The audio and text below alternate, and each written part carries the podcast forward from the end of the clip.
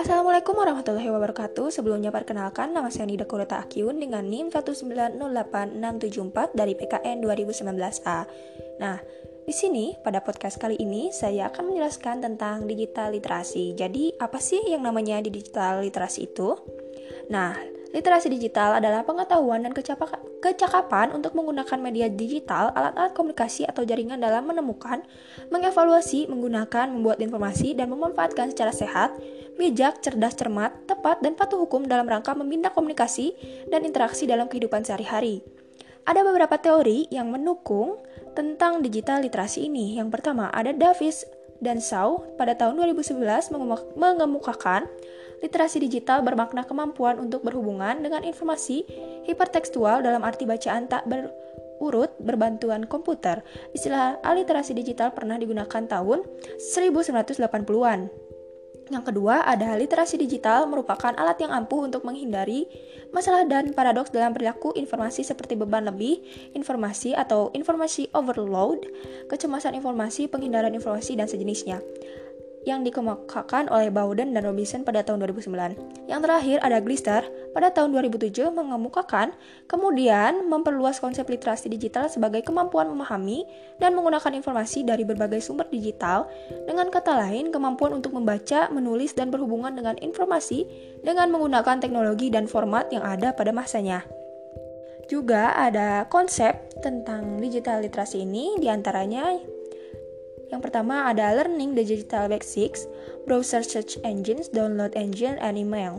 Yang kedua, Evaluasi Online, Research, Determining the Accuracy of Content on Website and Wikis, Assessing the Trustworthiness and Security of Online Vendors, Recognizing Phishing Attacks, and so on. Yang ketiga ada Experiencing and Developing Online Learning, Modes, and Distance Education. Nah, di dalam digital literasi ini ada isu yang muncul, di antaranya adalah literasi digital harus terintegrasi dengan mata pelajaran. Dibahas oleh Media Indonesia pada tanggal 14 Juni 2020. Jadi, di sini berisi tentang belum ditemukannya vaksin maupun obat COVID-19 membuat manusia harus menjalani kehidupan kenormalan baru. Para siswa sekolah masih tetap menjalani pembelajaran jarak jauh atau PPJ meski tahun ajaran baru 2020-2021 akan dimulai Juli.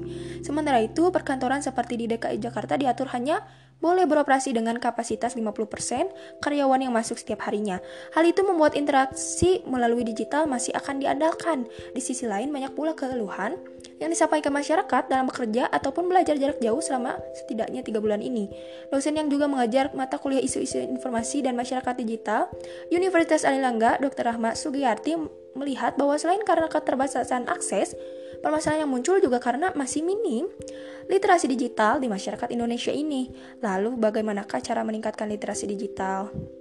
Nah, jadi solusinya yaitu dengan Menekankan pembelajaran literasi digital itu dilakukan di sekolah sejak usia dini, seperti yang dilakukan di negara-negara maju.